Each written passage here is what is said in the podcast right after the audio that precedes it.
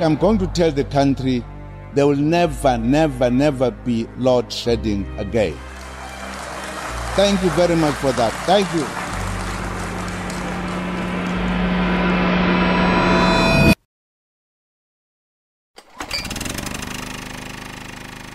RSG bied aan Beerdkrag, 'n donker Suid-Afrika deur Estie de Klerk. In die 7 uur nuus op RSG. Dit is vandag die 50ste dag van jaar dat Eskom beurtkrag toepas. Fase 4 beurtkrag het om 5 uur vanoggend weer in werking getree. Die statistiek wys baie duidelik dat ons het meer beurtkragperiodes as wat ons nog ooit in Eskom se geskiedenis gehad het. Die kragvoorsiener sê daar is 'n tekort aan sowat 16000 megawatt. Eskom het intussen bevestig dat beurtkrag fase 2 vandag sal voortgaan. Dit is gedoen sodat Eskom sy noodreserwes kon aanvul.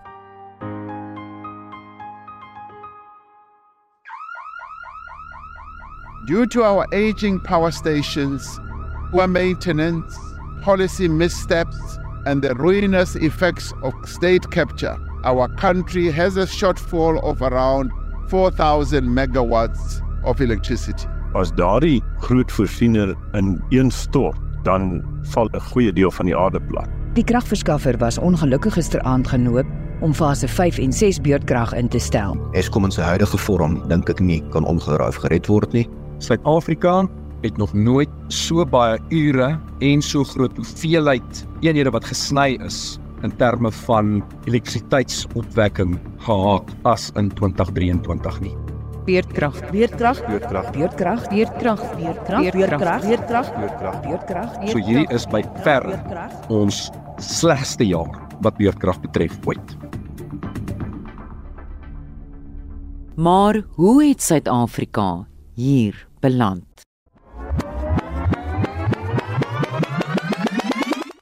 Marks a milestone in the transition of ESCOM problem was a problem of an underestimation of the demand for electricity. The reserve margin is not going to improve. Demand will exceed supply Electricity supply cannot be guaranteed.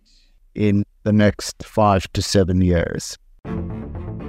Die Eskom wat ons vandag ken, die kragvoorsiener wat die afgelope 16 jaar steier van die een kragkrisis na die volgende, lam gelê word deur skuld, gekenmerk word deur korrupsie en syndikaate en swak instandhouding wat die ekonomie laat bloei en Suid-Afrikaners laat sug, is nie die kragreus van eens nie. Eskom was 'n wêreldklas maatskappy 'n onafhanklike kragverskaffer wat deur ander energiereëse as voorbeeld van sukses gebruik is, sê die onafhanklike energieontleder Corneel Skabort. Ons weet van daai toekenning by die Global Energy Awards waar Eskom aangewys is as die elektrisiteitsvoorsieningsmaatskappy van die jaar. Ons weet dat Eskom in 2001 elektrisiteit opgewek het teen 'n koste van 13 sent per eenheid per kilowattuur. Dan het hulle 'n eenvoudige mandaat gehad vir die verskaffing van voldoende elektrisiteit. Hein Vosloo wat in 2016 na 23 jaar by Eskom afgetree het, was in daardie stadium 'n senior bestuurder in Eskom se transmissieafdeling. As gevolg van die oorverskaffing van elektrisiteit wat in die 80s plaasgevind het, het ons in die vroeë 90s surplus elektrisiteit gehad. Ons het beleggers gelok in daai stadium. Dr Wessel Swart is 'n chemiese ingenieur wat van 1985 tot 2007 by Eskom as senior strategiese aankope bestuurder gewerk het. Ek onthou byvoorbeeld in my dae moes ons die kontrakteurs inroep en vir hulle sê ons moet 'n bietjie stadiger bou aan die kragstasies want ons het eintlik te veel krag. Eskom se bestuurshoof tot en met 1994 een McCray het 'n baie direkte en dalk baie belangrike standpunt gehad. Wat was dit? Keep the politicians out of your engine room. Maar dit was dalk makliker om politici uit Eskom se enginekamers te hou toe McCray aan die stuur was. Tot en met 2001 was Eskom 'n onafhanklike regspersoon en nie 'n staatsinstelling nie.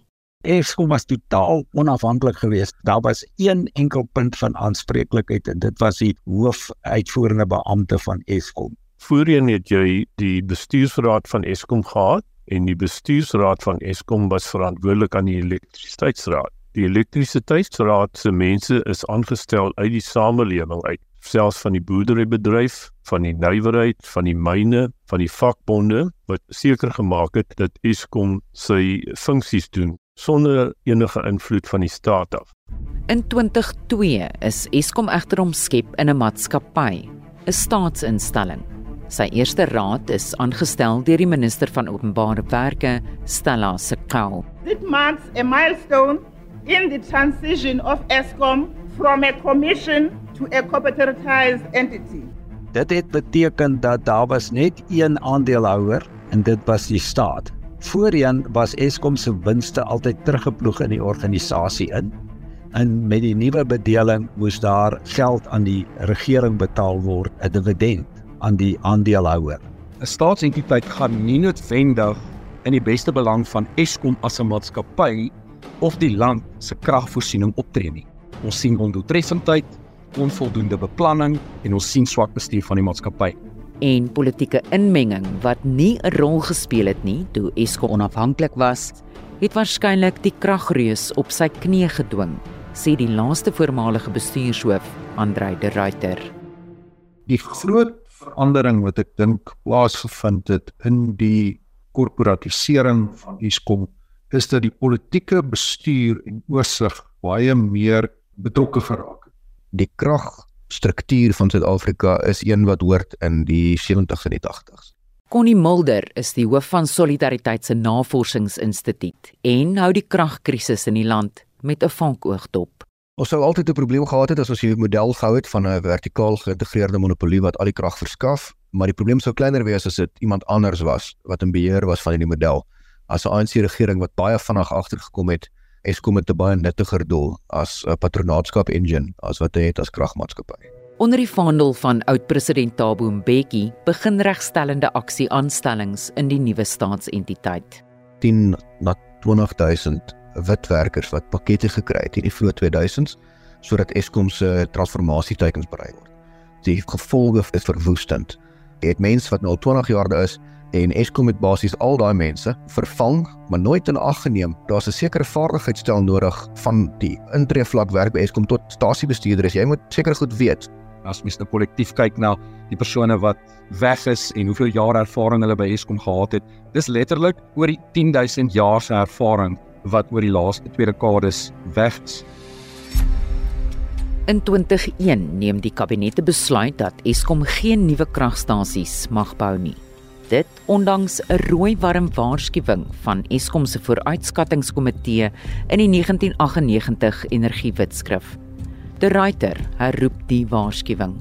In die energiewetskrif het Eskom gesê as ons nie binne 'n jaar 'n 1999 belasting investeringsbesluit maak wat ons in staat stel om 'n nuwe kragstasie te bou, dan gaan ons beerdkrag hê. Beerdkrag was toe nog nie 'n konsep wat uitgevind was, want ons het nog genoeg kapasiteit gehad.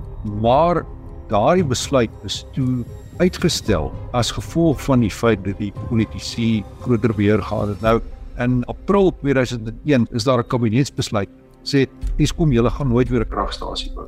En dit is natuurlik nou waar dinge ernstig begin skeefloop.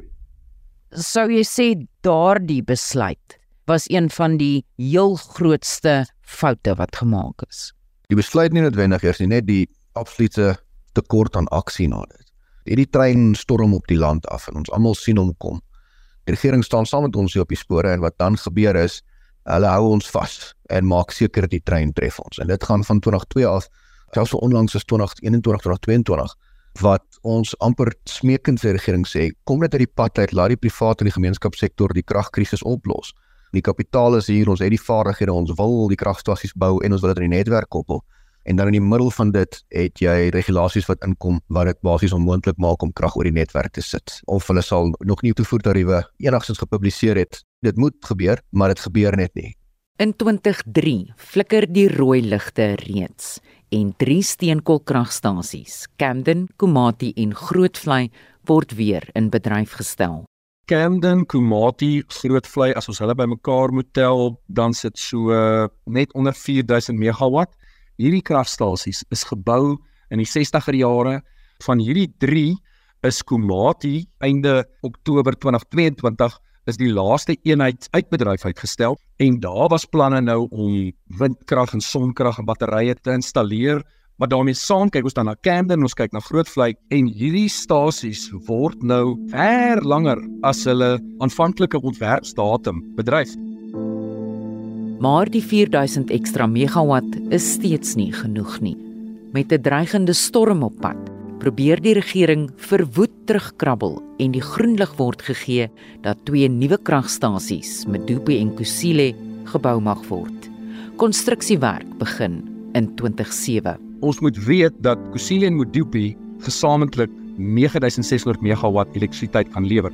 Maar Kusile en Medupi kan ons eintlik herdoop as die standbeelde van swak ontwerp, swak tydsbestuur en oorbesteding. 'n Groot projek soos hierdie het baie baie krangige projekbestuurders nodig. Daar was nie meer projekbestuurders nie. Daar is groot hoeveelhede siviele ingenieurs uit Eskom uitgelaat. Die kundigheid om daai goed te ontwerp en te bou het nie meer in Eskom bestaan nie. Ek was onder andere die voorsitter van die kontrakte komitee en ook die voorsitter van die eise komitee. Die probleem het nie gekom by die konstruksieproses self nie, die probleem het gekom by die aanstelling van die kontrakteurs. Die sogenaamde hoofkontrakteur was die projekbestuurder van Eskom vir daardie bepaalde projek. Dr Swart sê dit het beteken dat Eskom die voorskrifte van die kontrak kon verander in terme van die aanstelling van kontrakteurs wat aan die projek kon werk. Die tweede probleem kon dit nie glo daarna nie. Een van die aankopers het na my toe gekom en vir my gesê, die tenderverslag sê dat 'n bepaalde kontrakteur moet die stoomketel kontrak op Medupi kry. Maar die ouens op die derde vloer sê nee, 'n ander kontrakteur moet die stoomketel kontrak kry. En die ander kontrakteur is deur die ingenieurs afgekeur omdat die kontrakteur nie bevoegd was om die stoomketel kontrak te doen nie. Nou die ingenieurs is toe geïgnoreer. Ander kontrakteur is aangestel wat nie die kundigheid gehad het nie. Die begrotings is ongelooflik oorskry. Daardie projekte het meer as 3 keer gekos om te voltooi en ek sê daai voltooi met 'n sterretjie by, want dit is nog steeds nie voltooi nie. Medupi al sy eenhede is nie in bedryf nie. En dan sien ons byvoorbeeld by Kusile het ons 'n groot deel wat uit bedryf tans is as gevolg van inherente ontwerpsfoute en daar word nou aansoek gedoen en dit gaan heel waarskynlik realiseer dat daar omgewingswetgewing omseil word om tonne swaweldioksied in die atmosfeer in te blaas sodat ons ten minste net die ligte kan aanhou. Foute wat die land baie duur te staan kom. Is 'n groot deel van daai 9600 wat nie beskikbaar is tans nie en as dit beskikbaar was, ek voorspel dat ons praat van 3, 4 na selfs 5 fases minder beerdkrag en dit sou 'n massiewe impak gehad het op die ekonomie en op die algemene gemoed van Suid-Afrikaners. Ons sou heel waarskynlik nie noodwendig eers geweet het van beerdkrag soos wat ons dit vandag ken nie. 16 jaar gelede in 2007, in dieselfde jaar as wat konstruksie aan Medupi en Kusile begin het, ervaar Suid-Afrikaners die eerste keer ongekende beplande kragonderbrekings. Dit sou kort daarna 'n naam kry wat ons vandag elke dag hoor beerdkrag. Kort nadat dit die eerste keer ingestel is, staan oud-president Thabo Mbeki verleë voor Suid-Afrikaners.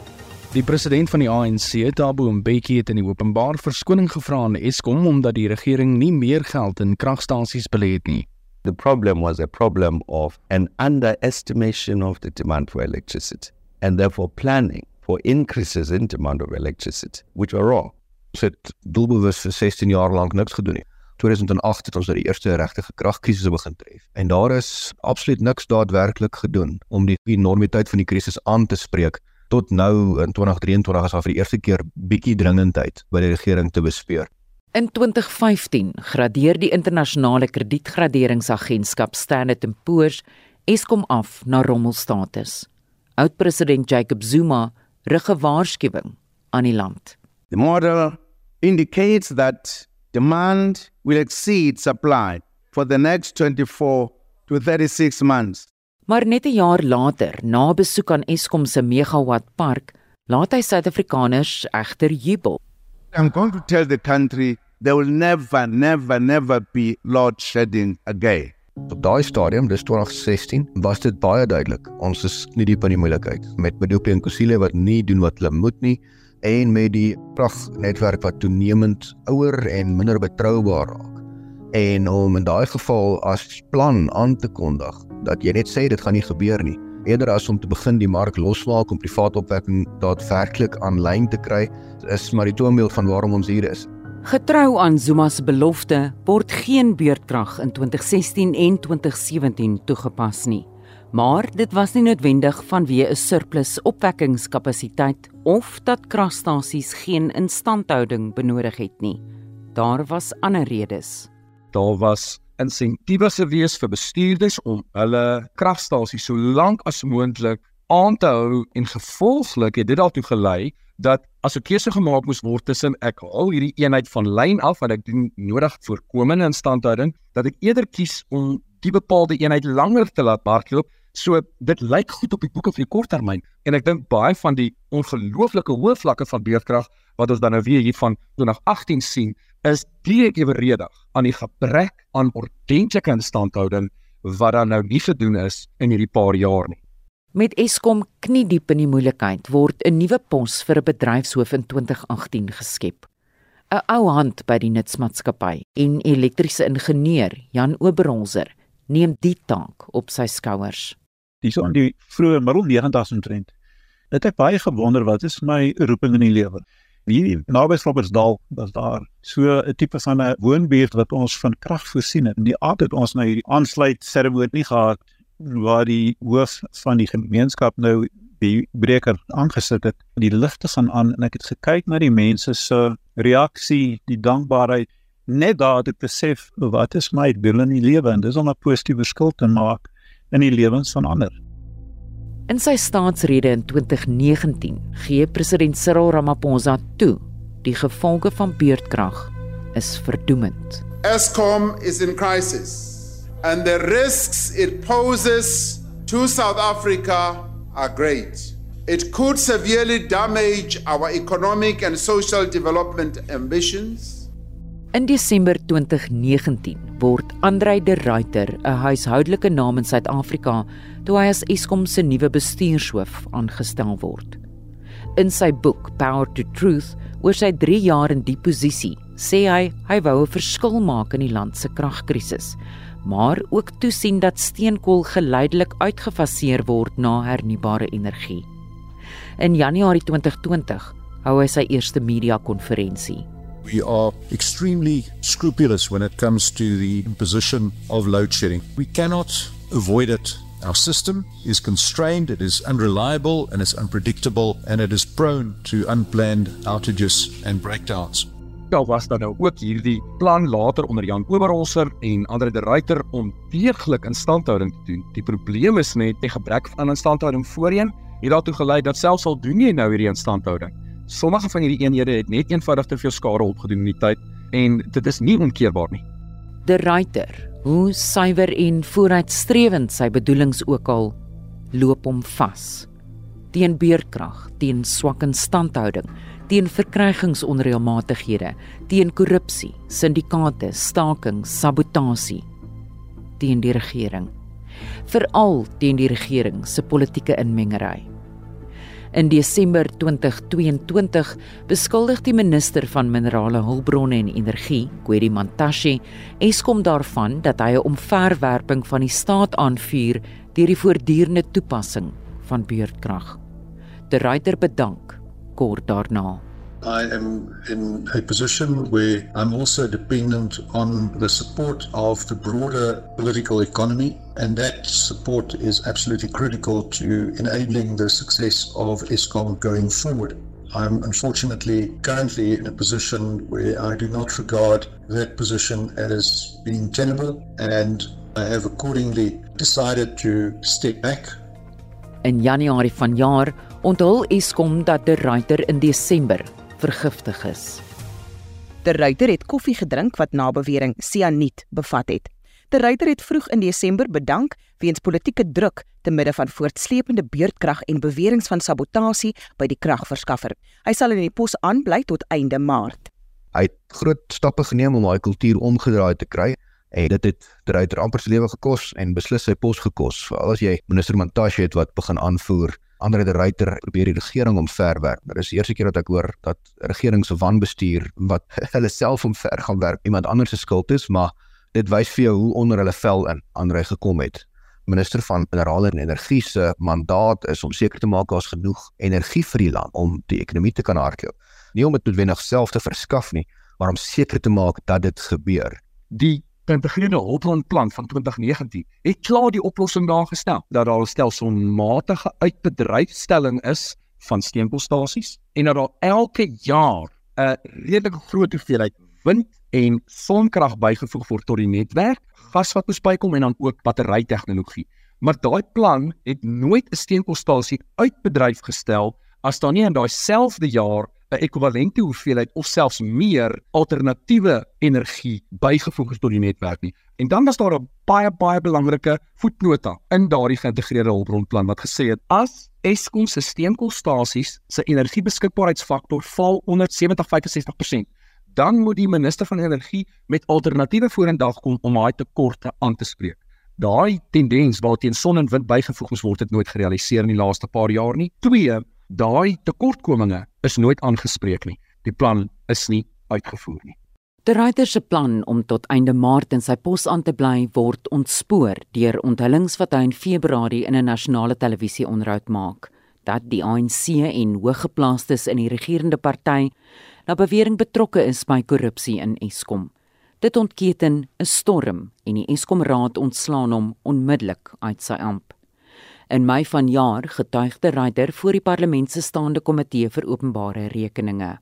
The alleged criminal and unlawful activities that are currently under investigation are of a very sensitive and complex nature and it involves elements that are best characterized as organized crime. I would not wish to be seen to be defeating the ends of justice by divulging information that may compromise the successful arrest and prosecution of individuals implicated in these activities. In April vanjaar tree Oberholzer af as bedryfshoof na 30 jaar by Eskom. 'n 2-jaar kontrak om as konsultant aan te bly word egter in Julie beëindig. In 'n onderhoud met RSG se geldsaake kort na sy aftrede, beamoem hy beweringe van korrupsie by die kragrees. Gebeur korrupsie is daar hierdie probleem in Eskom? Ja, dit is daar in die aankope omgewing betaal ons pryse vir goed wat nie noodwendig die pryse is wat 'n hoë betaal nie. Ons vind ook dat by sekere areas dat uh, sekere goed gebeur wat eksterne mense gebruik om dan 'n diens te verrig. Steenkool wat die myn verlaat is nie altyd dieselfde steenkool wat by die kragstasies aankom nie. Kan Eskom gered word? Eskom moet gered word dan moet 'n enkele plek vir verantwoordelikheid wees. Eskom kan net gered word as jy die besigheidsmodel verander, die bestuur verander en bestuursrapportering verander. Bring die model uit die staat se kloue uit. Eskom in sy huidige vorm dink ek nie kan omgeraai of gered word nie. Eskom wat ontbondel word in verskillende entiteite in het 'n kans op suksesvol bestuur word die 1998 verslag het reeds aanbeveel dat Eskom ontbondel moet word in verskillende entiteite, naamlik transmissie, verspreiding en opwekking. Transmissie gaan nie 'n probleem hê nie, verspreiding gaan nie 'n probleem hê nie. Ek dink wel dat Eskom gaan 'n al kleiner rol speel in terme van opwekking en ek weet ek is voortydig. Eskom is nog die 90% produsent van elektrisiteit in Suid-Afrika, maar gee dit 10 jaar, 15 jaar en daai gaan aansienlik anders lyk. In Februarie vanjaar verklaar president Ramaphosa 'n 2 maande lange ramptoestand weens die kragkrisis. In Maart stel hy Dr. Gosienso Ramagopa aan as die minister van elektrisiteit met die uitsluitlike doel om die land se kragkrisis en beurtkrag op te los. We short of about 10,000 megawatts. So my responsibility is to engage with ESCOM on the generation side. I'll be almost transfixed on resolving the technical issues. It's important that we have a conversation with alternative energy producers. Ondanks die minister se optimisme is 200 beurtkragure meer reeds in die eerste 7 maande van jaar toegepas as in die hele 2022 omtrent die helfte van die totale energie wat opgewek kan word. Slegs die helfte is beskikbaar. Wat is die oplossing? Daar is privaat opwekking van amper 1000 megawatt 'n maand wat geregistreer word. As ons amper 60000 megawatt in die pipeline beplan van die private sektor wat weet dit is op pad. Ons moet onverwendbaar beweeg na 'n groothandelmark vir elektrisiteit met verskillende private verskaffers wat daaraan deelneem en met mense wat dan dinamies vraag en aanbod met mekaar laat klop. Dit sal behels dat Eskom privatiseer en dan as markspeler deelneem aan hierdie groothandelmark. Om die hernubare krag hier by ons uit te kom, gaan dit nodig wees om ongeveer 1600 km kraglyne te bou. Om daai kraglyne se servitute te bekom, gaan omtrent 8 jaar neem vir die servituutverkryging, die ontwerp en die bou van die kraglyn as ons die bestaande kragstasies kan hergebruik, dan het ons nie nodig om een lyn verder te bou of een substasie nie. Die toekomsvooruitskatting hier waar ons onsself nou bevind. Waarvoor moet Suid-Afrikaners hulle self voorberei in die volgende 2 jaar? As al die privaat elektrisiteit waarvoor aansoek gedoen word, as dit realiseer, dan mag dit wees dat ons 10 plus gigawatt elektrisiteit gaan byvoeg tot die netwerk in die volgende 2 jaar. Ons moet een of ander tyd 'n draaipunt bereik. Want as ons vat Car Towership, dit is 1200 megawatt. Kuiberg gaan opgeknap word. En as ons al hierdie bymekaar sit, dan is ons in 'n situasie waar ons dalk 2, 3 jaar gelede was. Dit gaan nog swaar gaan vir so 'n jaar of 2, maar moenie jou so blind staar teen die donderwolke dat jy die groen lote wat uit die grond uit opkom mis nie. Die gemeenskap en privaat sektor het letterlik net van onder af baksteen vir baksteen begin om die krisis op te los. Vinniger as 'n regering van bo af dit kan beheer of dit kan afbreek. Met dank aan Connie Mulder, Corneel Skabort, Hein Vosloo, Dr Wessel Swart en Karen de Tooi van die SAIK se klankargief. Beurtkrag, 'n donker Suid-Afrika, is in opdrag van RSG vervaardig en aangebied deur Estie de Klerk met klankontwerp deur Danny Boysen.